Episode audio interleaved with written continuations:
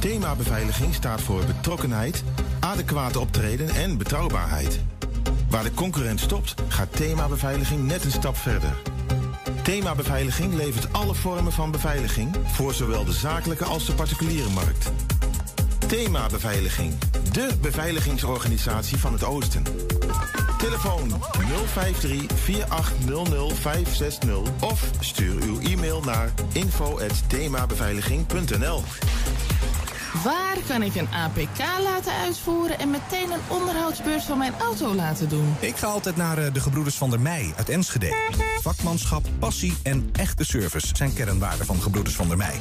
Of het nu gaat om eh, APK-keuringen, reparaties, bandenopslag, totaalonderhoud, deuken verwijderen of een nieuwe trekhaak, zij regelen het voor je. Gebroeders van der Mei vind je aan de Lonnekerbrugstraat 80 in Enschede.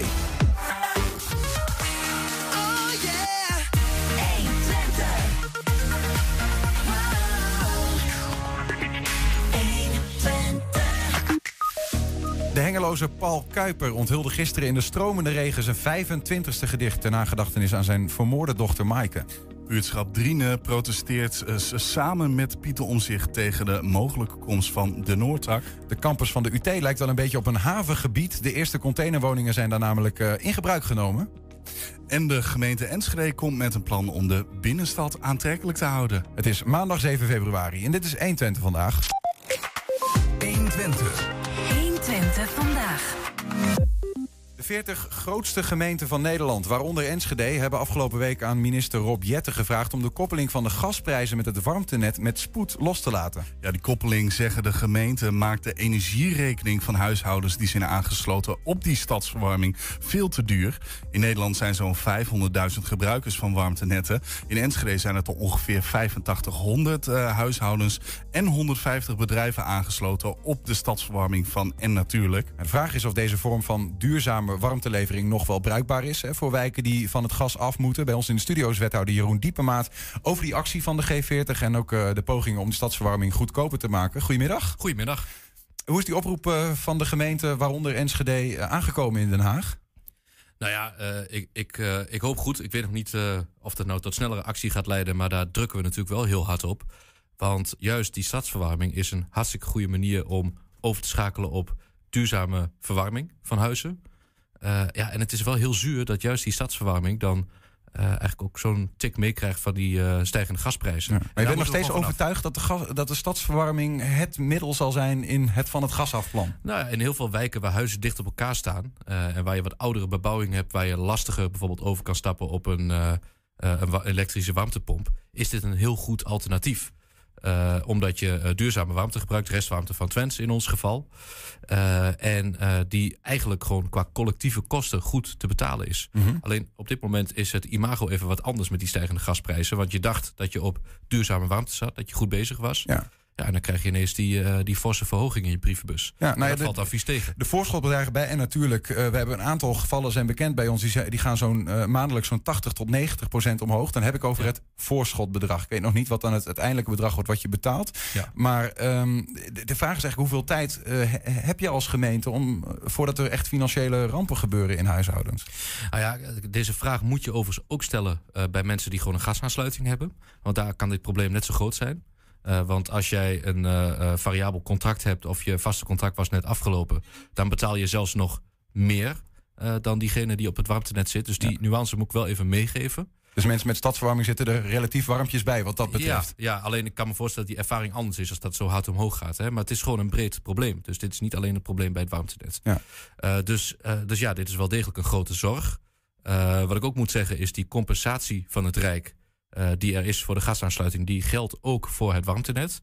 Dus daar krijg je ook die 400 euro en die 200 euro voor minima. Ja. Eh, dus dat verlicht het probleem wel iets. Eh, dat doet niet alles, maar het is in ieder geval een stap de goede richting op. Ja, en uiteindelijk, nogmaals, je zit met zo'n warmtenet op duurzame energie. Mhm. Weinig gas nog in Enschede in ieder geval.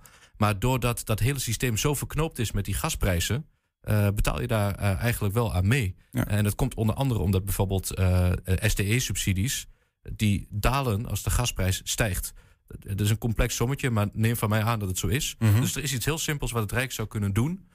om dit probleem mee te helpen oplossen. Namelijk als ze die SDE-subsidies nu niet laten dalen, maar gewoon op hetzelfde niveau houden, Mhm. dan dempt dat ook de stijging van in ieder geval die warmtenetten alweer. Ja, ja. Hoeveel, hoeveel ehm, nou, even voor een huishouden dat gemiddeld energieverbruik heeft. Ja. Hoeveel euro zouden zij minder betalen per maand ehm, als die koppeling met die gasprijs zou worden losgelaten? Hoeveel, als, als zo'n huis stadsverwarming heeft? Ja, dat is, dat is lastig te zeggen. Kijk, wat ik in ieder geval kan zeggen is... in Enschede eh, eh, wordt het eh, warmtenet nog voor 7% gevoed door gas. En dan heb je het voornamelijk over de piek. Dus 93% is duurzame warmte. Ja, Eh, het, eh, het is een ingewikkeld sommetje, want die warmte die koopt er natuurlijk in bij Twents. Eh, en Twents bepaalt natuurlijk zijn prijs ook weer op basis van onder andere levering. Daar zit ook nog een beetje elektriciteit in. Die prijs is ook gestegen. En voor een deel dus die SDE-subsidies die weer dalen als de gasprijs stijgt. Ja. Dus het is een vrij complexe som.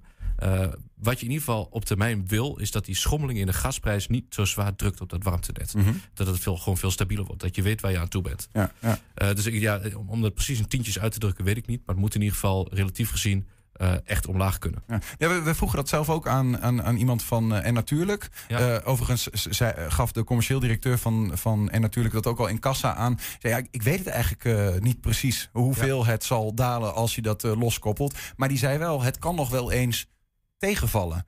Eh, omdat blijkbaar de prijzen van de stadsverwarming niet alleen maar gelieerd zijn aan de gasprijs. maar eh, dat er nog veel meer aan de hand is in subsidieland en dat soort dingen. Ja, kijk, het is dus die SCE-subsidie is een ding. Ja. Eh, elektriciteitsprijs, ja, die is ook gewoon gestegen. Hè, en, eh, en we zien langzamerhand natuurlijk steeds meer over inflatie. Hè, dus alle kosten gaan een beetje omhoog. Ja. Eh, dus het is niet zo dat als die gasprijs losgekoppeld wordt, dat het ineens weer op het oude niveau zit. Mhm. Eh, alleen wat je wil, kijk, het- een van de redenen waarom het uiteindelijk een goed idee is om wat het gas af te gaan, is je wil niet. Nou, we weten wat er in Groningen gebeurt. Je wil niet afhankelijk zijn van Russisch gas. Hè, dat is, eh, zien we nu langzamerhand ook wel dat dat eh, eh, beter is om, om je daar niet volledig van afhankelijk te maken. Ja. Dus ja, op het moment dat je dan gewoon lokale duurzame warmte hebt, is dat een redelijk stabiele en betrouwbare bron, zou je Ja. zeggen. Ja. En dan wil je gewoon van die schommelingen af. Nou ja, en ik kan me ook voorstellen, kijk, ehm, eh, het, is geen geheim dat gemeente Enschede graag die sta- stadsverwarming in zou zetten als alternatief voor het gas. Ja. Als dan ook nog eens de prijs echt goedkoper kan eh, dan Ja. een gasaansluiting en dat die niet meestijgt zoals nu lijkt te, Ja. te, te zijn, ja, dat is, dan ben je alleen maar spekkoper aan alle Zeker. kanten. Zeker. De vraag is dan ook een beetje, ehm, eh, eh, waarom is dat nog een vraag bij het Rijk of is dit ook voor hen gewoon een inkoppertje? Nou, kijk, ik denk die discussie over het loskoppelen van de gastarieven... die liep al wel wat langer. Maar die forse stijging van de gasprijzen... die heeft ons denk ik allemaal uiteindelijk een beetje verrast. Dus wij lopen eigenlijk gewoon achter, eh, een beetje achter de feiten aan, zou je kunnen zeggen. Ja. Eh, dus, eh, dus ik denk wel dat dit wat nu wat los heeft gemaakt... en dat die loskoppeling er echt wel een keer gaat komen. Ja, op welke termijn denk je? Ja, kijk, je wat mij betreft zouden ze in ieder geval... maar dat is mijn persoonlijke opvatting... ze zouden in ieder geval zo snel mogelijk die SDE-subsidies moeten loskoppelen. Ja, dat is ook nodig. verhaal. Niet alleen de Ja, loskoppeling, maar ook een subsidieverandering. Ja, want dit is uiteindelijk gewoon broekzak, vestzak. Hè? Dus dit is gewoon, dit kan het Rijk wat mij betreft gewoon meteen doen. Want zij zijn nu minder kwijt aan die SDE-subsidie. Dus ja, hou dat gewoon op peil. Eh, en dat dempt, het, eh, dat dempt het al iets. En ieder tientje, ja, dat helpt. Zeker als je een gezin bent wat het, eh, wat het krap heeft. Ja, ja. En dan kun je zeggen van, nou ja, maar er is nu gecompenseerd die 400 euro en die 200 voor minima. Ja, dat is natuurlijk uiteindelijk ook een doekje voor het bloeden. Hè? Want dat is één jaar in principe. En dan houdt dat ook weer op.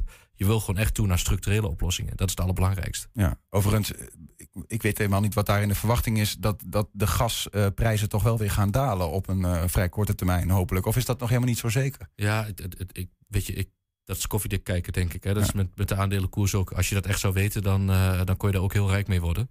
Eh, de, de ver- algemene verwachting is wel dat het weer iets gaat dalen.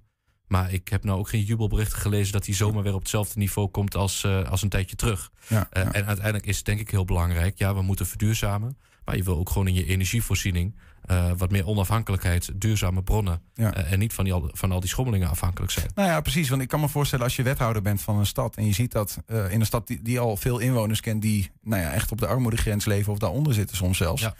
Dat het ook wel rampzalig is om te zien dat energie toch gewoon bij vrij Ja. primaire levensbehoeften in één keer zo duur wordt. Ja. En je staat erbij, je kijkt ernaar. Je kunt er niet zo snel omschakelen.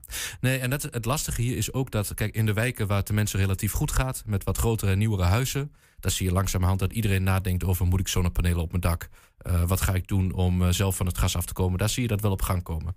Dat is echt een beweging die, eh, die langzamerhand de goede kant op gaat. Maar juist in de wijken met oudere huizen, eh, wonen ook vaak, eh, denk aan een wijk als Twekkelenveld of sommige wijken in Enschede-Zuid. Mensen met een wat minder grote portemonnee Ja, vaak. eh, minder grote portemonnee. En dan, zijn, dan heb je het vaak ook nog over de mensen met een huis in bezit. Die je met een klein hypotheekje dat huis hebben kunnen kopen, maar weinig geld over hebben om te investeren. Mhm. Maar die hebben wel vaak de slechtst geïsoleerde huizen. Dus juist in dat soort wijken wil je goede collectieve oplossingen ook kunnen aanbieden. Zoals bijvoorbeeld een warmtenet, wat juist helpt om eigenlijk te verduurzamen. Ja. En uiteindelijk ook minder eh, aan eh, je energierekening eh, kwijt te zijn. Ja. Dus dan is het zeker in dat soort wijken is gewoon schrijnend wat er nu gebeurt. Dus daar maak ik me echt wel zorgen om. Ken je, ook, ken- je ook de gevallen? Hoor je het van mensen? Ja, wat wat ja, gebeurt er achter die voordeuren? Nou ja, kijk, je- ik krijg gewoon over dit onderwerp extreem veel e-mails in mijn inbox. Het is nu weer even iets rustiger, maar zeker toen deze discussie net, losbarstte, echt tientallen berichten. En dan zie je ook gewoon mensen die hun, die hun rekenvoorbeeld meesturen wat ze dan kwijt zijn. Eh, ja, dat, dat, is, eh, dat is schrijnend. En ik kan natuurlijk niet bij al die mensen in de portemonnee kijken, maar je weet gewoon als je eh, als gezin met een niet al te hoog inkomen ineens eh, 100 euro extra in de maand kwijt bent, dat dat gewoon heel veel effect heeft. Ja. Er is een meldpunt hè, van, van Aliva en de gemeente Enschede.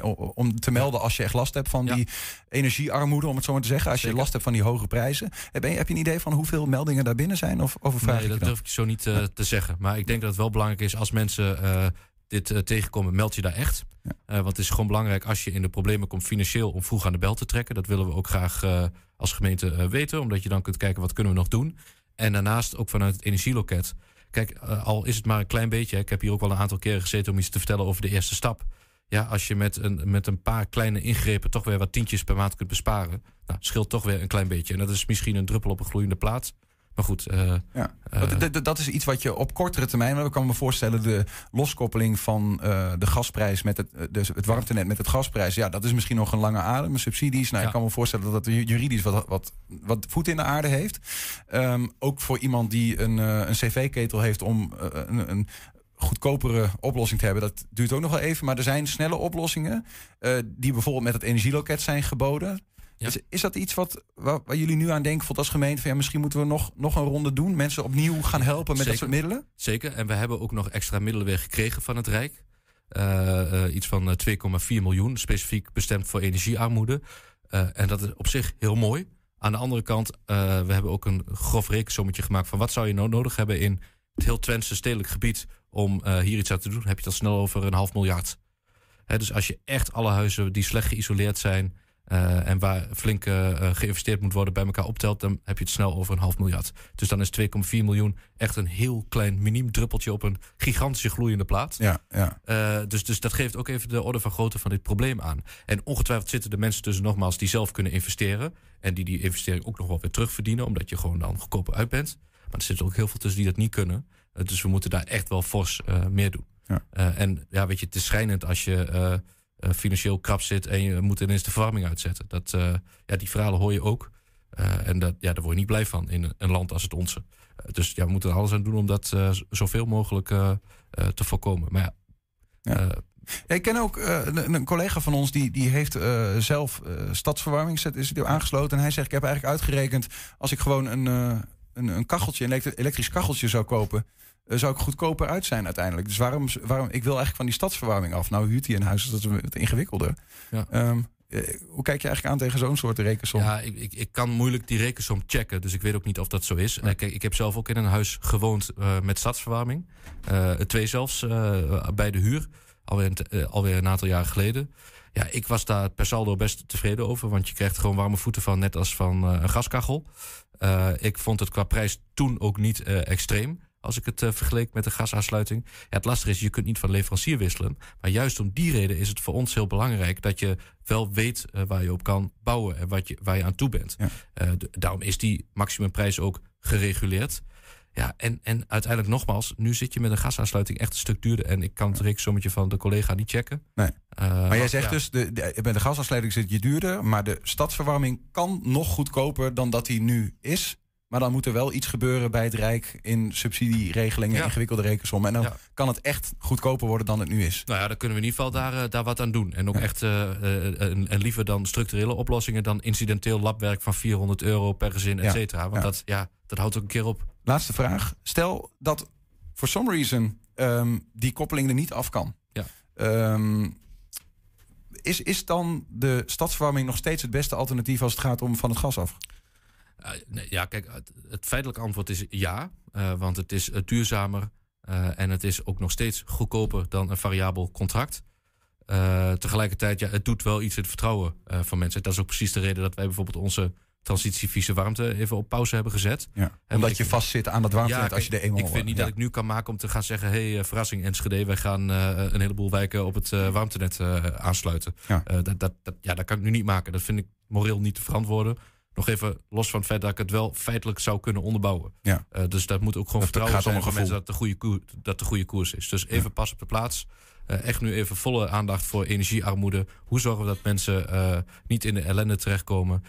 en hoe zorgen we ervoor dat landelijk die discussie de goede kant op gaat? En dan de volgende stap weer zetten.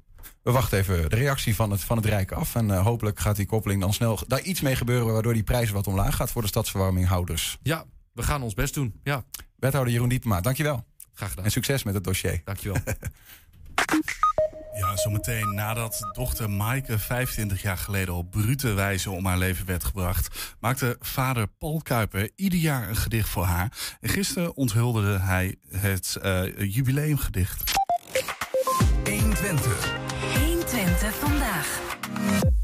Ja, inwoners van buurtschap Drienen hebben vrijdagmiddag samen met Tweede Kamerlid Pieter Omzicht een protestbord onthuld tegen de mogelijke komst van een Noordtak. De bewoners van het buurtschap zijn bang dat de aftakking van de Betuwe-lijn hun gemeenschap letterlijk in tweeën splijt. Ook landschap Overijssel trekt aan de bel en wil voorkomen dat het karakteristieke coulissenlandschap tussen Hengelo en Enschede verloren gaat.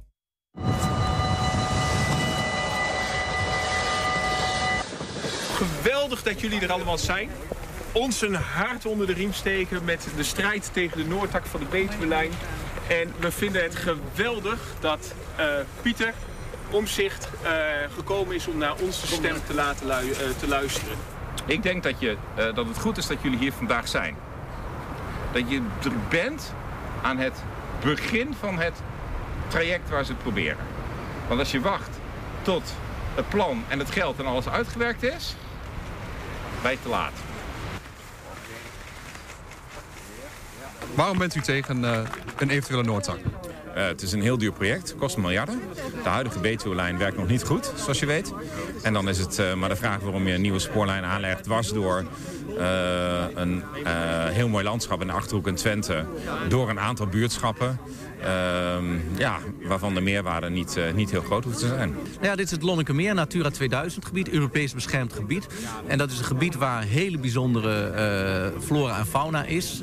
Echt unieke flora en fauna. Heel erg kwetsbaar. Dus op het moment dat je hier een spoorlijn doorlegt of naast legt... heeft dat een dermate impact dat je gewoon een deel van die natuur vernietigt. Uh, wat betekent dan als er zo'n zo'n rails dus dwars door ja, het buurtschap komt? Wat betekent dat voor de gemeenschap? wordt in tweeën gesplitst. Je krijgt twee gedeeltes en je krijgt een heel uh, een lelijke muur ertussen. Hè, want ze willen nog een stuk verhogen. Dus dat gaat een heel lelijk stuk worden.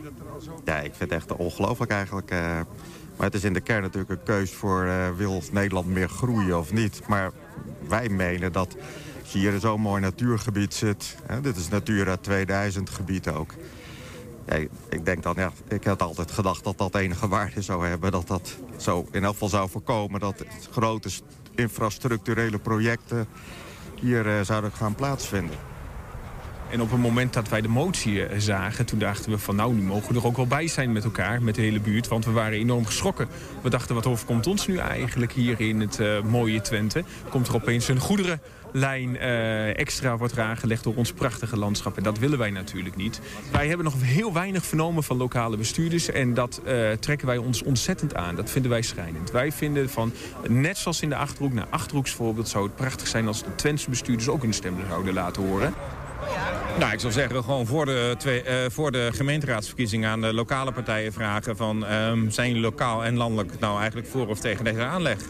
bedoel, dit is een van de belangrijke besluiten voor een gemeente. Als jij uh, hier in dit gebied woont. Hier is het vrij duidelijk ook waar die aangelegd wordt. Want op elke manier moet hij tussen Hengelo en Enschede door. Nou, heel veel opties tussen Hengelo en Enschede zijn er niet. Omdat je hem niet door de campus heen kunt leggen. Omdat daar bijvoorbeeld het nanolab zit wat niet tegen trillingen kan. Dus dan moet je maar twee kilometer richting Hengelo duwen. Nou, dan snap je hoe, hoe kort de ruimte op de, eh, op de woonwijk in Hengelo is. En dan zie je precies welke buurtschappen geraakt worden. Ja, die, eh, di- dit raakt nou echt eh, je inwoners. In alle eerlijkheid raakt dit deze gemeenschap meer dan 5 euro eh, WOZ-verhoging of niet? 120. 120 vandaag. Nadat dochter Maaike in 1997 op een brute wijze om het leven werd gebracht, maakte vader Paul Kuiper ieder jaar een gedicht voor haar. Om zo zijn vermoorde dochter levend te houden. De afgelopen tijd waren de vorige 24 gedichten al te lezen op de sokkels achter de Lambertusbasiliek in Hengelo. Gistermorgen onthulde Kuiper zijn jubileumgedicht in De Stromende Regen.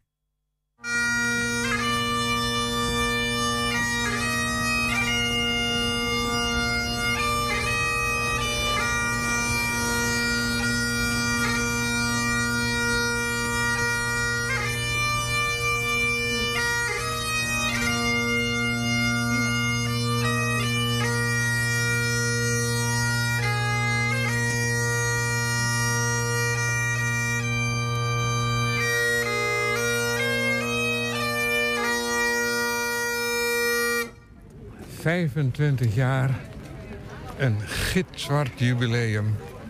Was je er nog maar. Voor die tijd, ik brak helemaal. Maar het is ook zo geweldig als je, als je om je heen kijkt. Al die mensen die met ons meeleven, met ons meelijden. En het is zo goed. Het is zo goed dat dit gebeurt. Maar het is natuurlijk goed. Het is voor Maaike. Het is voor Maaike. En ja, was ze er nog maar. Ik brak ook toen Ja. al die lieve mensen van heinde en verre. En, en je herkent ze en denkt, "Oh, die ook en die ook. Dat doet zo goed. En ze hebben al die jaren meegeleefd. Maar nu zijn ze er ook in de plensregen. Het is onvoorstelbaar dat het 25 jaar is. 25 jaar. Man, wat, wat, is er niet, wat is er allemaal niet gebeurd? Wat heeft ze allemaal niet gemist in die 25 jaar? Ze wordt gemist en ze heeft zoveel gemist. Bij de Lambertus Basiliek staan nu alle 25 gedichten die u de afgelopen 25 jaar heeft geschreven. Volgend jaar nummer 26. Dat is wel, dat is wel de bedoeling. Bij leven en welzijn, ja. ja. Als het niet verschijnt, is er iets mis. Ja. U blijft daar op die manier gedenken elk jaar. Absoluut. Ja. Ja, ja, ja, ja. We hebben dichter en vader eh, van Maaike aan de telefoon. Je hoorde hem net in de video en nu eh, live. Paul, goedemiddag. Goedemiddag, met Paul Kuiper. Ja, we, we zien eh, eh, dubbele gevoelens. Aan de ene kant eh, verdriet. En aan de andere kant ook twee tevreden mensen die, die daar zo om zich heen kijken. Veel mensen om zich heen zien. Hoe, hoe kijk je er een dag later op terug? Nou, met eh, een prachtige herinnering. Prachtige herinnering. Ja, het, het, het was zo goed dat het allemaal gedaan is. We hebben het allemaal niet zelf bedacht. Iemand is op dat idee gekomen. Haardpoel, de stichting Haardpoel in Hengelo, heeft dat uitgevoerd op een voortreffelijke manier. Nou, en gisteren stonden daar dan, eh, nou, hoeveel, ik heb ze niet geteld natuurlijk. Ik las in de kranten ruim 100 mensen in de plensende regen die dat met ons mee wilden maken. Met ons mee wilden beleven. En dat heeft ons heel goed gedaan. Ja, Heb je opgezien, heb je opgezien tegen die, die 25ste, eh, ja, die, die, dat 25ste jubileum, zeg maar, die dag gisteren? Eh, nou ja, het is natuurlijk elk jaar het, het- tegen dat het eh, richting 6 februari gaat, dan, dan, dan dat is een hobbel. Die moet je, moet je, je weet dat het weer komt, je weet dat dat weer... eh, je moet niet zeggen, ja, het is maar een datum. Mijn verjaardag is ook is een datum, maar is niet zomaar een datum. Op mijn verjaardag is iets gebeurd, ben ik ter wereld gekomen. Op 6 februari is Maaike om het leven gebracht. En dat, eh, en dat, eh, dat blijft schrijnen. Natuurlijk blijft dat schrijnen. En mm, ja, maar bij eh, afgelopen weken was het al zo duidelijk dat het weer op 6 februari aanging. Dat, maar we hebben het heel intens beleefd. Ja. Het regende ook de hele dag, hè? Het regent. Pijpenstelen. Ja, dat wou ik zeggen. Het regende niet alleen, het plensde. Het plenste, ja. Maar, ja, ja, zeker. ja, het leek, je- leek jullie niet echt te deren daar, eh, tenminste op de, op de video. Of, of, of had het juist, voegde het iets toe? Nou, ik begon mijn, eh, mijn praatje gisteren. Ik zei, sommige mensen die vinden dat het weer niet meewerkt. Maar ik vind dat het weer juist wel meewerkt. Want toen he- her- herinnerde ik eh, de mensen eraan... dat op de begrafenis, de dag van de begrafenis, 25 jaar geleden, bijna 25 jaar geleden... toen regende het ook. En ik heb ook gezegd, boven de rouwadvertentie in de krant... hebben we toen op initiatief van een van onze kinderen gezet... Tears in Heaven. De tranen in de hemel. Want zo hebben veel mensen het toen beleefd... en ik denk dat ze het gisteren ook echt gevoeld hebben. Ja, er is- ik denk niet dat er iemand geleden heeft onder de regen. Was tenminste niks van te merken. En, en, in, de krant staat de tranen van Maaike Kuiper. Nou, dat doet ons goed. Ja, ja. ja. Je, je, de- die video die we zagen, die, eh nou, sluit, sluit vrij vastbesloten af. Hè? Dat, dat je zelf zegt, ja, het is het 25e jaar... maar het is niet het einde van mijn eh, eh, reeks gedichten, eh, als, het, als het aan jou ligt. Eh, eh, volgend jaar gewoon eh, een nieuwe op de 26e sterfdag. Ehm, ja, is, Ik, heb ook, ik heb ook nooit gedaan, nou, ik ga er 25 maken en dan stop ik ermee. Helemaal niet. Nee. Ik- ga er gewoon mee door. er is volop, vo- volop inspiratie, blijft er. Vast wel. Ja, ja. Ja. Ja, ik eh, heb wa- nog geen, geen idee wat het gaat worden, maar dat hoeft ook nog niet. Dat ontstaat vanzelf. Dat, dat ontstaat vanzelf wel. Ja. ja. Zullen we afspreken dat we voor elkaar voor volgend jaar eh, om deze tijd dan nog eens spreken... om het eh, 26e gedicht eh, met elkaar eh, te, te, te- aan te horen? Is goed. Dat spreken we bij deze af. Oké. Ja. Paul Kuiper, dank, dank je wel en eh, ehm, ja, sterkte in deze eh, toch wat aparte tijd voor jullie. Een aparte tijd. Ja, dank u wel. Dank u wel. Hoe straks de gemeente Enschede is bezig met een plan om de binnenstad weer aantrekkelijk te maken, genaamd Actieplan Binnenstad. Ja, en eh, woon je in Enschede of Hengelo, dan eh, willen we van jou horen wat er volgens jou echt aangepakt moet worden in jouw stad. We geven jouw mening door aan de politieke partijen die meedoen aan de gemeenteraadsverkiezingen. Dus dit is eigenlijk je kans om het verschil te maken. Vul daarvoor even de vragenlijst in. Dat is 120.nl slash vragenlijst voor Enschede. Of 120.nl slash vragenlijst streepje Hengelo voor Hengelo. 120. 120 vandaag. Ja, wie zijn de gezichten van de partijen waar we in Enschede en Hengelo op kunnen stemmen in maart? En wat vinden zij? In Ik teken voor 80 storten we een vuur aan vragen uit over de lijsttrekkers van beide steden. Vandaag onderwerpen wij aan het vragenvuur de voorman van Volt in Enschede. En zijn naam is Erik Kemp. Ja, nee vragen. Oei, oei, oei. Wisten andere mensen dat wel dan? Je zegt dat wist je al, maar nee, nee, nee, dat wist ik niet. Ja, ja, dat... eh ja. dat, Dat wisten ze wel. ja, Dus dat daar ging al iets mis. Ja. Welkom Erik van Volt, het vragenvuurtje. Ehm, we gaan drie minuten vragen stellen. Het zijn gesloten vragen, ja of nee. Of een enkele tweekeuzevraag. Je mag één keer passen. Komen we na de tijd eh, komen we daar in ieder geval op terug als je dat doet. Ben je er klaar voor? Ja. Enschede heeft behoefte aan Volt.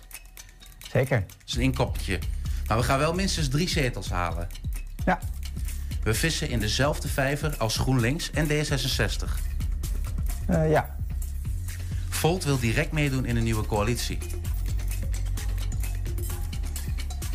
ja, het ligt eraan. Wil direct meedoen. Nou ja, nee, wil zijn verantwoordelijkheid pakken als dat nodig is. Nee. Willen is niet moeten. Nee. Oké. Eh, je moet samenwerken met een partij. Je kunt kiezen. Ehm, is dat GroenLinks of PvdA? Eh, GroenLinks. Is dat dan VVD of is dat burgerbelangen? Burgerbelangen. Oh, opvallend. Ik dacht, misschien zitten er wel draakvlakken met de VVD. Ook het echt het over de grens kijken en eh, nou, het aantrekken van die eh, talentvolle studenten. Ja, nou, ik heb wel. ik, ik, voel wel wat voor, voor het idee van een lokale partij. En ik denk dat nou, wij juist ook als nieuwe partij... dat we best wel goed samen kunnen werken met een partij die al heel lang ophaalt wat er onder de burgers van Enschede speelt. Het niveau van debatteren in deze gemeenteraad is te laag. Eh, ja, De menselijke maat is teruggekeerd in de WMO, bijstand en in het armoedebeleid. nee. We moeten de auto uit de binnenstad verbannen. Ja. Als het daardoor nog drukker wordt op de singles, dan moeten we dat maar accepteren. Nee. Enschede kan prima zonder recreatiezwembad. Nee. Dat er nog geen groen licht is voor de moskee op het Spaans land... is de grootste fout van deze gemeenteraad. Eh, nee. Duurzaamheid is het belangrijkste thema de komende vier jaar. Ja. Het is een schande dat we nog geen windmolen hebben. Ja. Een zonnepark of windmolen gaat alleen door als omwonenden geen bezwaren hebben. Eh, nee. Er mag best wat landbouwgrond worden opgeofferd voor duurzaamheid of biodiversiteit. Gebeurt al. Ja. Ja. Ehm, dankzij ons afvalbeleid is het een puinhoop in de stad. Nee. Enschede moet gaan nascheiden. Nee. Het aantrekken van hoogopgeleide inwoners uit het westen is goed voor de hele stad, ook voor het armere deel van de bevolking. Ja. Enschede is een aantrekkelijke stad voor afgestudeerde studenten. Ja. Oh, dat is opvallend. Ik dacht, die die gaat nee zeggen, eh, al die studenten die vertrekken hier. Maar je vindt het wel aantrekkelijk. Nou ja, er is een reden dat ik hier blijf en nu me aanmeld voor de gemeenteraad. Je komt zelf van de UT. Ja, maar oorspronkelijk kom ik uit, Bra- uit Brabant. Ik vind het hier wel mooi. Ja. Wat maakt het zo mooi, Enschede? Er liggen veel kansen. Je merkt dat er gewoon wel energie bij mensen is om er wat van te maken hier. Op onze eigen manier. Enschede is de belangrijkste stad van Twente. De belangrijkste stad van Twente. Ja. En de rest van Twente zou zich wat meer moeten aanpassen aan Enschede. Nee. We moeten ons meer op Duitsland richten dan op de Randstad. Ja. Duidelijk. Dankjewel, Erik. Als ik het goed heb, je hebt helemaal geen pas gebruikt. Nee, ja, je vuurt allemaal ja-nee-vragen op me af. Dus dan eh, al, alle nuances die ik in mijn hoofd bedenk, die laat ik maar even varen. He- heb je wat nuance? Heb je een vraag waarvan je zegt van nou, daar, dat wi- wil ik wel wat beter uitleggen? Eh, ja, ja, er waren veel vragen waarbij je dan zegt, nou bijvoorbeeld de, eh, duurzaamheid wordt het belangrijkste thema. Dan zeg ik ja, maar het is niet het, is niet het enige thema. Ehm, als je zegt eh, ja, burgerbelang of VVD, dan denk ik, nou ja, dat gaat blijken ook uit de gesprekken die we straks gaan voeren met elkaar. Uiteraard. Ja. Het is een beetje om te peilen van waar ligt een beetje die voorkeur. Welke partij staat het dichtst bij je? Ja, en als je vraagt uit welke vijver vissen we, eh, GroenLinks, ja, maar ik denk ook VVD. Eh, wij, wij vissen uit een grote vijver, juist omdat we een minderpartij zijn. Ja, denk je ook niet dat jullie een hele nieuwe groep eh, kiezers misschien wel gaan aanspreken? Dat denk ik wel. Ik was tot nu toe ook altijd de zwevende kiezer en ik werd ineens lid omdat ik me goed voelde bij het progressieve geluid van Volk. Duidelijk. Erik, dankjewel. Graag gedaan. Ja, dat was Erik Kemp dus, frontman van Volt in Enschede. En ook even om heel even kort toe te voegen, er zat een vraag in over de moskee aan de Spaans landen. Maar daar heeft de actualiteit inmiddels eh, de video wat ingehaald. De komende weken komen ook de hoofdpersonen van alle andere partijen in Enschede en Hengelo voorbij. 120. 120 Ja, zometeen een grote piek van een aantal studenten op de Universiteit Twente leverde afgelopen zomer flink wat denkwerk op voor de gemeente Enschede en de universiteit. Ja, de oplossing, dat waren 230 containerwoningen, waarvan nu de eerste 30 in gebruik zijn genomen. Ja, dat dus straks. En eh, trouwens, we zijn ook als podcast te vinden. Via alle bekende platforms kun je ons vinden. 120 vandaag of 120 vandaag uitgelicht. 120. 120 vandaag. De gemeente Enschede is bezig met een nieuw plan voor de binnenstad, genaamd Actieplan Binnenstad. Dit doen ze omdat steeds meer mensen online winkelen en volgens hen verandert de functie van de binnenstad erdoor. Wil je als stad aantrekkelijk blijven, dan moet je nu handelen voor de toekomst, zo zegt de gemeente. Via stemvanenschede.nl wil de stad weten wat Enschede's belangrijk vinden voor het centrum. Aan de telefoon hebben we Laura Tuller van de gemeente Enschede. Laura, goedemiddag.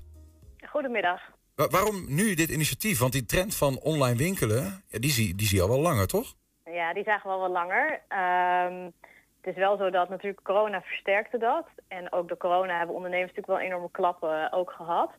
Ehm, maar wat je voor die tijd ook zag, is dat het ook vooral een beetje de middengrote steden... die kregen er steeds meer last van dat filialen stopten en dat daar de binnensteden leeg eh, werden. En ehm, de laatste keer werd ook wel gezegd, ja, ook de grote steden die gaan daar nu ook eh, ja, hinder van ondervinden. Ehm dus ja, ook? Voor ons tijd. Nou dat, dat is natuurlijk wel onzeker. Maar ook wij zien wel op bepaalde plekken in de stad dat het natuurlijk wat minder, wat kwalitatief wat minder aan het worden is. En eh, we zien natuurlijk wel al jaren dat het aantal winkels verhoudingsgewijs wel aan het afnemen is, ook in de binnenstad. En dat wordt dan nog gevuld met horeca of andere functies. Ehm, dus dat is een trend die ook bij ons zichtbaar is. Gelukkig hebben wij nog wel elke keer nieuwe ondernemers. Ehm, maar je wil steeds meer ook een stad zijn waar niet alleen het winkelen. Je wil, je wil gewoon zorgen dat de mensen naar die binnenstad blijven om te komen werken. eh, om vooral ook te vermaken en te ontmoeten. Ja. Dat hebben we gemerkt, hoe belangrijk we dat eh, met elkaar vinden. Dus ja, dus we hebben wel gezegd, van, het is nodig om naar de toekomst toe ook te kijken wat je nu al moet doen. Om te zorgen dat mensen die binnenstad blijven bezoeken. Eh, Is dat gewoon een open vraag die je aan mensen stelt? Van hoe moet die binnenstad eruit zien? Of heb je nog een bepaalde sturing? Wat, wat verwacht je eigenlijk van de mensen? Ehm, nou ja, wij hebben eh, via stemvanenschede.nl nu, eh, per vandaag is, ehm, is het een digitaal platform wat toegankelijk is voor eigenlijk iedereen. En eh, mensen kunnen ja, eigenlijk allerlei ideeën voor de binnenstad indienen. In eerste instantie hebben we gezegd, we gaan gewoon heel breed ophalen. En dan gaan we in de latere fase wel kijken eh, of de ideeën ook echt ehm, ja, realistisch zijn en echt haalbaar. Maar eerst willen we gewoon echt de creativiteit van de mensen. Want als je het voorkant heel veel gaat beperken, dan haal je volgens mij ook de creativiteit eruit. Ehm, en het tweede wat we van mensen vragen, ehm, is eh, via een vragenlijst om te kijken welke thema's mensen nou het belangrijkste vinden. Hebben mensen nou een voorkeur voor vooral een, een groene binnenstad? Of zeg maar nee, we willen vooral eh, dat het die goed bereikbaar is. Of eh, dat er vooral veel pleintjes komen. Of nou, noem maar op wat je kunt bedenken. Om een beetje te kijken, ja, wat, wat vindt de inwoner en dus ook de bezoeker eh, nou heel erg belangrijk. En, wa- en wat doe je dan vervolgens met... Want je krijgt dan, nou ja, weet ik, je krijgt een x-aantal antwoorden binnen. Ja, Ehm, ja. Ja, die, die ga je blijkbaar nog wel enigszins eh, wegen van nou ja, eh, hoe haalbaar is het of niet. Ja. Maar je, je hebt natuurlijk ook nog te maken met een soort van ja, met een gemeenteraad die uiteindelijk iets moet bepalen. Wordt het dan ook nog, gaan, die, gaan dit soort eh, gaan er een paar rapporten naar hen toe dat zij daar weer iets mee moeten naar de, of naar de wethouders? Eh, nou, we gaan kijken. eh, kijk, de, de kaderstelling van de Raad is een van die kaders die natuurlijk als toetsingskader wordt gekeken. Van, god, past het binnen ons beleid? En als het niet past binnen het beleid, wil het niet zeggen dat het een slecht idee is. Maar dan is het iets wat we niet meteen ehm, eh, ja, heel op korte termijn wellicht kunnen realiseren. Eh, dus daar wordt zeker wel naar gekeken. Ehm, overigens is het zo dat, dat het bestaat uit een aantal stappen. Hè? Dus mensen kunnen steun opzoeken bij eh mede-inwoners. En, en na de haalbaarheidsfase, dan kan er ook gestemd worden op ideeën. Dus dan gaan we ook echt kijken van ja, welke Oh ja. ideeën krijgen nou ook de meeste stemmen.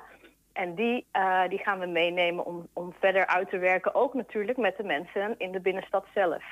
Want die, ja, die, die willen we ook natuurlijk mee laten denken. De bewoners van de binnenstad en de ja, ondernemers. bewoners, ondernemers. En met elkaar is het idee van, en wat we ophalen vanuit de brede stad, te kijken van welke acties omarmen we, wie wil waar voor gaan. En dat landt uiteindelijk in het actieplan.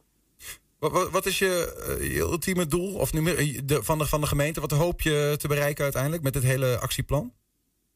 Eh, nou, we hopen te bereiken dat we vanuit de eigen kracht van de stad, hè, dus, dus, dus de eigen identiteit, ehm, ja, eigenlijk Enschede ook op de kaart, we staan op de kaart, maar nog verder op de kaart zetten. En dat mensen het gewoon een hele fijne plek vinden om, eh, om te zijn. En niet per se alleen om te winkelen, maar vooral ook om, eh, om te ontmoeten en te werken. Dus dat eigenlijk de, de stad, wat veel, de binnenstad, nog veelzijdiger wordt. En dat Dus- iedereen zich ook daar thuis voelt. Wil je invloed hebben, dan eh, kan dat nu. Hè? Stem van enschede.nl is het geloof ik hè? Ja, precies. Stem van enschede.nl. Ga even kijken. Laura Tulle, dankjewel en eh, succes met het eh, plan. En ik ben benieuwd wat er, wat er allemaal uit gaat komen. Ja, wij ook. Dankjewel. En heb je een tip voor eh, onze redactie? Dat kan ook, hè? Mail naar info-120.nl. Of bel even naar 053 432 7527. 120. 120 vandaag. Die moet je nog even één keer herhalen. Ik heb hem nog niet. Wil je nog één keer? Ja. Dan met alle liefde, Niels. 053 432 7527. Dankjewel. Ik herhaal 053 432 7527. Ja, en drie keer iets met eh, een film van vroeger met Beetlejuice. Een grote piek van een aantal studenten op de Universiteit Twente leverde afgelopen zomer flink wat denkwerk op voor de gemeente Enschede en de universiteit. Want hoe zorgen we voor onderdak op een hele korte termijn? Ja, dat vroeg wethouder Jeroen Diepemaat zich af. Het resultaat is een aantal maanden later zichtbaar. De eerste 30 van de 230 containerwoningen op de campus eh, is in gebruik genomen. En RTW Oost bekeek ze van dichtbij. Welkom in de modelwoning. De woningen zijn voorzien van eh, eh, sanitair, dus een douche en een toilet. eh, en ook een keukenblokje. En optioneel kunnen studenten zelf ook nog kiezen voor een meubelpakket. En dit is een, een voorbeeld van hoe het, hoe het ingericht zou kunnen worden. Ja, we zagen dat met name internationale studenten ineens in grote getalen voor Enschede kozen. Dus je had het echt over 500 extra ten opzichte van de verwachting. Ehm, ja, en vandaar nu deze 230 woningen. Want zo'n piek is altijd lastig op te lossen. Uh, dus daar moet je gewoon ook een flinke extra stap zetten. En dat hebben we hier gedaan. Nou, we willen als Universiteit Twente willen we aantrekkelijk zijn. Uh, en daar zijn we absoluut van overtuigd. En we zijn ook van mening dat, uh, ja, dat we alles eraan moeten doen... om ook studenten te helpen in hun huisvesting. Ook al zijn we daar zelf niet letterlijk verantwoordelijk voor. Maar we doen natuurlijk wel ons best om met partners dat mogelijk te maken. Nou, die groei blijft misschien gestaag doorgaan. Wat kunnen we dan qua projecten nog verwachten... om voldoende huisvesting voor studenten ook de komende jaren te hebben? Uh, nou, het is natuurlijk de gemeente die primair verantwoordelijk is voor, uh, voor huisvesting. En nogmaals, het is de universiteit niet. maar we maken afspraken met de gemeente en ook met de woningcorporaties. en ja, de komende jaren zullen er inderdaad meerdere projecten op de campus... maar ook in de stad komen voor, voor studentenhuisvesting voor deze doelgroep. Het mooiste zou natuurlijk zijn als het ons lukt om gewoon uh, definitieve oplossingen uh, erbij te bouwen. En daar werken we ook heel hard aan. Uh, op verschillende plekken, op het kennispark, op andere plekken in de stad. op de campus is de UT ook flink bezig met het vernieuwen van het aanbod. Ja, en dit helpt gewoon om tijdelijk in ieder geval verlichting te bieden op de markt. 120. 120 vandaag. Bewakingscamera's om de veiligheid in Enschede te vergroten. Bijvoorbeeld bij de fietstunnels in Enschede-Zuid, waar regelmatig mensen worden beroofd, zou camerabewaking volgens sommigen een goed idee zijn. Maar in talkshow Kracht van Enschede bleek afgelopen vrijdag dat niet iedereen het daarmee eens is. Femke en Rob spraken met politieagent Benny Beuving en stedenbouwkundige architect Monique Otte. Ook aan het woord komt privacy-expert Dave Borghuis. Wat ik eigenlijk in jullie beide verhalen hoor, is hoe belangrijk het is dat je elkaar ziet en, uh, en ontmoet. Maar wat, zou, wat, wat, hebben, wat is de functie of de rol van bewakingscamera's in het vergroten van veiligheid of juist, het, of juist schijnveiligheid? Is het uh, misschien een goed idee om Enschede helemaal vol te hangen met bewakingscamera's? Dat hebben we toch opgelost? Of, uh... Nou, ik, ik moet echt aan zo'n fragment denken van uh, Faulty Towers, Don't Mention the War. Want zo ga, je, zo ga je het over camera's hebben, lijkt dat een... Ja, de halen me olie voor alles. Ja. Wat jij dus zegt van, nou ja, hang ze maar overal neer. En aan de andere kant heb ik ook meegemaakt in mijn tijd als wijkagent... dat aan de voorkant in de Lippenkerkstraat... bij een telefooncel waar regelmatig uit gedeeld werd... een camera werd neergezet. En bij mij in de wijk werd een wijkpost ingericht met bewoners. En bij die ene moet je de beelden uitkijken wat zich daar bevindt. En bij die andere hielden mensen toezicht. Oh ja. Dus je moet iedere keer opnieuw kijken of een camera van toegevoegde waarde is. Nou, en die cameradiscussie die is op dit moment onderdeel van beraad van de gemeenteraad en experts. Dus ja, daar zijn ze nog niet helemaal uit. En als ze eruit zijn, dan is het aan ons de taak om het te bekrachtigen. Ja. Dus te zorgen dat die handhaving dan wel aansluit. We hebben een reportage een, uh, van een, uh, met een expert, een privacy-expert, Dave Borghuis. Laten we daar even naar kijken. We staan hier op het Wilmingplein in het centrum van Enschede. Er was hier de afgelopen jaren behoorlijk overlast. Met name door drugsdealers en hun klandizie. Mede om die reden zijn er camera's opgehangen. Ook heeft de politie opgetreden. De overlast is hier afgenomen, maar lijkt zich te hebben verplaatst richting de Van Lochemstraat. We spreken met David Borghuis, privacy-expert, over de installatie van de nieuwe camera's. Dus Dave, als we Enschede volhangen met camera's, wordt het dan wel een veiligere stad? Nee, ik denk het niet. Uh, nu, uh, in Londen is uh, onderzoek plaatsgevonden naar dit soort cameratoezicht. En Londen hangt redelijk vol met camera's. En daar is uit gebleken dat het, ja, de veiligheid niet groter is geworden door het plaatsen van allerlei camera's. Dus de criminaliteit is niet echt afgenomen? Nee, nee. Als, er, als er al iets gebeurt, dan is dat de criminaliteit zich uh, net buiten de blik van de camera uh, verschuift. Dat is een beetje je waterbed-effect. Dus je drukt hier en dan komt daar weer wat tevoorschijn. Ah ja, precies. Een beetje net zoals het hier wat meer richting de Van Lochemstraat verplaatst is. Uh, dat zou kunnen, daar heb ik geen inzicht in. Maar um, ja, met al die camera's, hoe, hoe zit het dan met de privacy in Enschede? Uh, nee, ja, één camera zou op zich niet zo heel veel uitmaken. Maar als je een heel stad vol hand met camera's, uh, ja, dan kan iemand je uh, volgen. Ehm, en iedereen heeft recht op privacy. dus dat is een basisrecht. Dus daar, eigenlijk moet dat niet ter discussie staan. Eh, en een camera ja, helpt daar gewoon niet bij. En dan is er altijd de vraag van eh, ja, wie achter de knoppen zit. En dan eh, ja, wat, wat hij of zij dan doet, eh, of dat eh, impact heeft op de privacy zelf. Maar het, maar het zal niet helpen. Oké, maar ehm, wat zou jouw advies dan zijn om Enschede een veiligere stad te maken? Nou ja, de camera toezicht, eh, de camera zelf en eh, de eh, uitkijken van een camera, zoals het dan zo mooi heet, kost allemaal geld. Ehm, en ik vraag me af of je, als je andere maatregelen neemt voor hetzelfde ja, budget, hetzelfde bedrag, eh, of dat niet eh, effectiever is om, om je doel te bereiken. Dus om de veiligheid eh, te vergroten of het gevoel van veiligheid. Want dat is uiteindelijk wat eigenlijk overblijft qua effectiviteit van camera's. Oké, en heeft, heeft u misschien wat concrete voorbeel- voorbeelden om ja, de veiligheid te verbeteren? Ehm, ja, dan kom je meer op hoe, hoe je een plein inricht. En misschien wat meer licht moet maken, wat meer overzichtelijk moet maken. Eh, dat soort eh, eh, maatregelen. En misschien wat meer blauw op straat, maar dat is een al, oude discussie natuurlijk. Dus een eh, investering als misschien eh, wat fatsoenlijke lampen om het plein eh, goed te belichten... zou eventueel ook al best kunnen helpen. Ja, waarschijnlijk wel. Inderdaad. Het Wilmingplein is er in ieder geval lekker rustig op geworden. Maar voor welke prijs? Nou, een aantal aanbevelingen van Dave die we mee kunnen nemen. Monique, wat haal jij hieruit? Of wat, zie, wat is jou- jouw perspectief eh, op, eh, op dit fenomeen? Ja, ik- bewaking. Sorry, ik sluit me heel erg aan bij eh, wat hier al gezegd wordt. Ik geloof helemaal niet in de veiligheid van de camera. Precies, ze kunnen er altijd langs heen of ze maken hem stuk... zodat ze toch kunnen doen wat ze willen doen. En wat ehm, op pleinen, je kunt een deels inrichten, hè, overzicht bieden.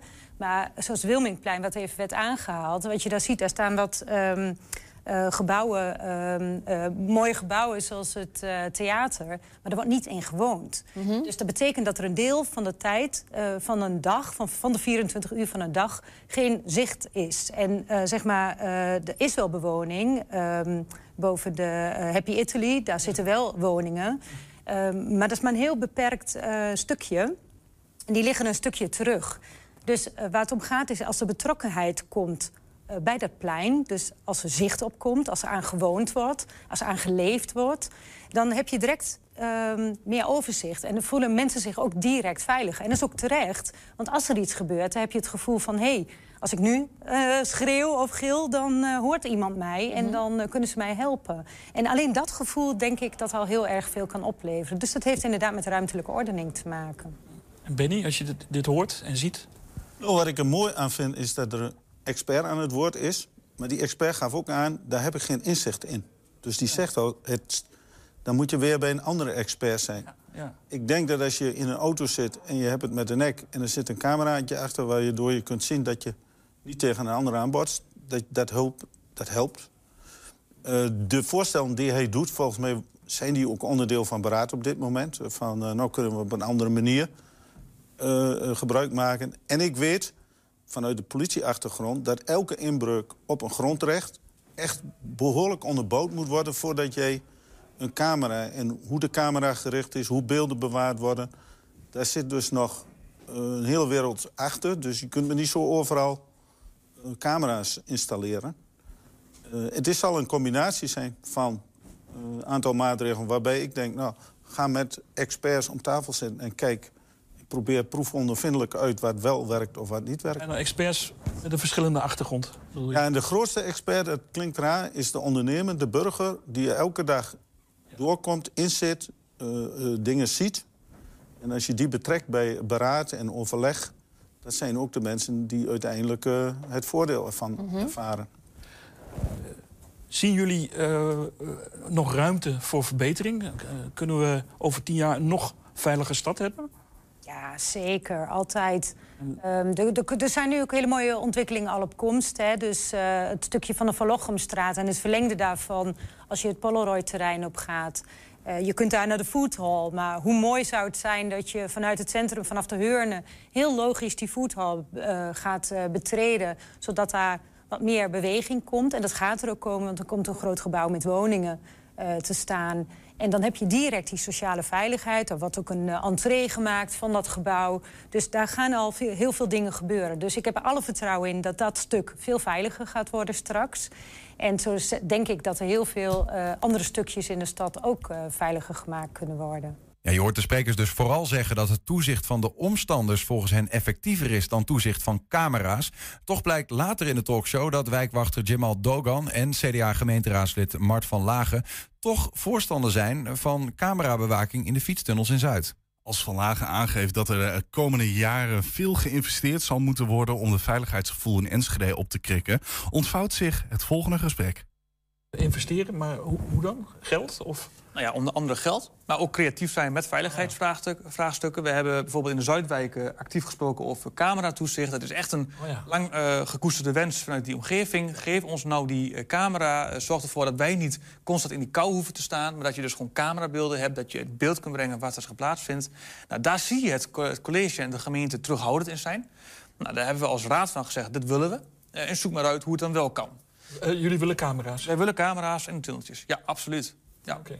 En, en als er dan iets gesignaleerd wordt op de camera, hoe snel is iemand dan ter plaatse?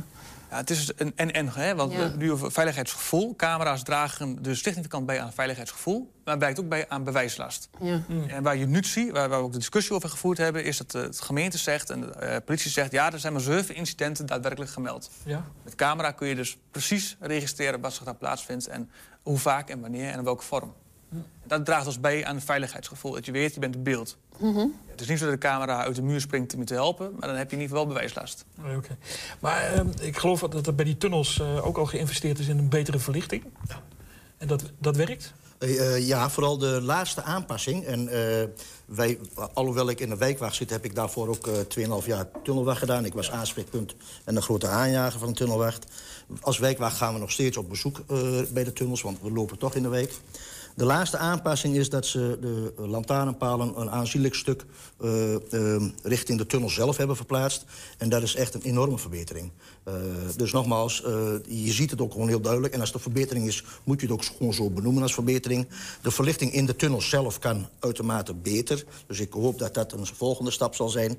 Maar wat Mart ook al aangaf, eh, uit- uiteindelijk is het de insteek geweest van mij vanaf 2019, toen ik met de tunnelwacht begon, samen met, met anderen. Wij willen camera's en daar is niets aan veranderd. Alleen de zeven meldingen die zijn gedaan, is eigenlijk heel wat meer.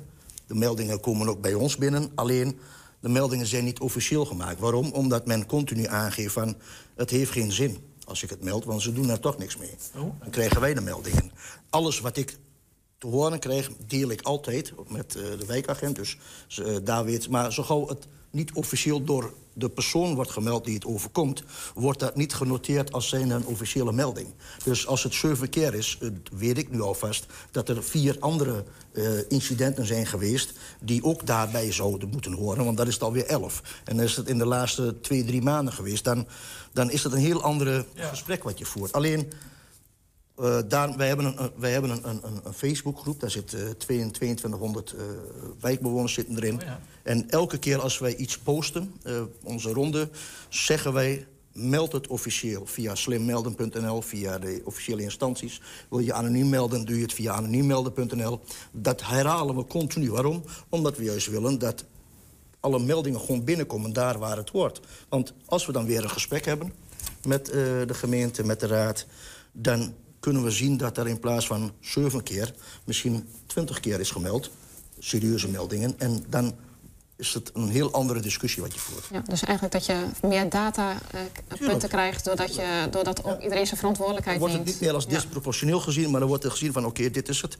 We zien die meldingen, eh, we, we erkennen ze. Het is ook daadwerkelijk zo. Dus we moeten nou wel wat gaan doen. Dat is ook de, de- elke keer de discussie als je gaat om veiligheidsvraagstukken... en veiligheidsvraagstukken implementeren in die samenleving... hoe proportioneel is die veiligheidsmaatregel? Mhm. Die afweging moet je continu maken. En een aantal partijen hebben gezegd... jongens, camera's is nu proportioneel genoeg om die daar te plaatsen. Mhm. Het weegt dus zwaarder wat dat betreft voor privacy of andere zaken.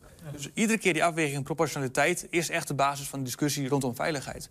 En die is natuurlijk eh, heel grijs. Hè? Want, want wat is voor iemand proportioneel en wanneer niet? Ja, de burgemeester, Theo Bovens, heeft geconcludeerd... dus niet proportioneel gaan we niet doen. Nee, klopt. Dat is inderdaad in de brief heeft hij dat, eh, nou, niet in die woorden. Met name de vorige burgemeester daarvoor, Onno eh van Veldhuis... die gaf echt duidelijk aan, nee, dat vinden we niet proportioneel genoeg. Theo heeft het inderdaad ook zo gela- gelaten. Ja. Het is nu weer opnieuw aan de, aan de raad, vind ik... maar ook aan de nieuwe raad om daar een keuze in te maken. Want deze groep bewoners, en niet alleen de, de wijk en de tunnelwagen... maar ook de mensen die eromheen, die er allemaal een onderdeel in zijn... geven aan, jongens, dit moet een keer gaan gebeuren. Wij kunnen niet veilig onder de tunneltjes door. D- het is nu een keer klaar. En dan komt die proportionaliteit in combinatie met dus echt melden bij de politie. Want dat zegt de politie ook, hè. Meld alsjeblieft als wat plaatsvindt. Eh, want alleen dan kunnen we ook wat doen. Eh, Dus de meldings eh, ehm, eh, zijn zo belangrijk, maar daarnaast ook de proportionaliteit waarborgen. En dan moet de raad moet dat gewoon uitspreken. Wij vinden het proportioneel dat. Ja, dus eigenlijk uit, wat ik uit jullie verhaal ook opmaak... veiligheid maak je samen. En als, je, eh, als er echt daadwerkelijkheid onveiligheid is... meld het dan ook bij de juiste instanties. Zodat eh, er ook wat aan gedaan kan worden. Ja, tot zover een stukje uit de talkshow Kracht van Enschede over veiligheid eh, in de stad. De hele uitzending is terug te zien op 120.nl. En aankomende vrijdag om 5 uur zie je een nieuwe aflevering op tv en online. En dan gaat het over wonen. Ja, tot zover 120 vandaag. Terugkijken, dat kan direct via 120.nl. En vanavond om 8 en 10 zijn we ook op televisie te zien. Zometeen kun je gaan genieten van deel 2 van Henk Kettings kettingreactie. Veel plezier en tot morgen. 120. Weet wat er speelt in Twente. Met nu nieuws van 4 uur. Goedemiddag, ik ben Martijn Richters. De Amsterdamse clubs en discotheken die zaterdag opengaan zijn allemaal uitverkocht. Er waren 15.000 tickets. In andere steden doen ook clubs en popzalen mee. Veel daarvan zijn ook uitverkocht. Zoals het Patronaat in Haarlem en 013 in Tilburg. De clubs riskeren een boete, want ze moeten officieel nog dicht zijn.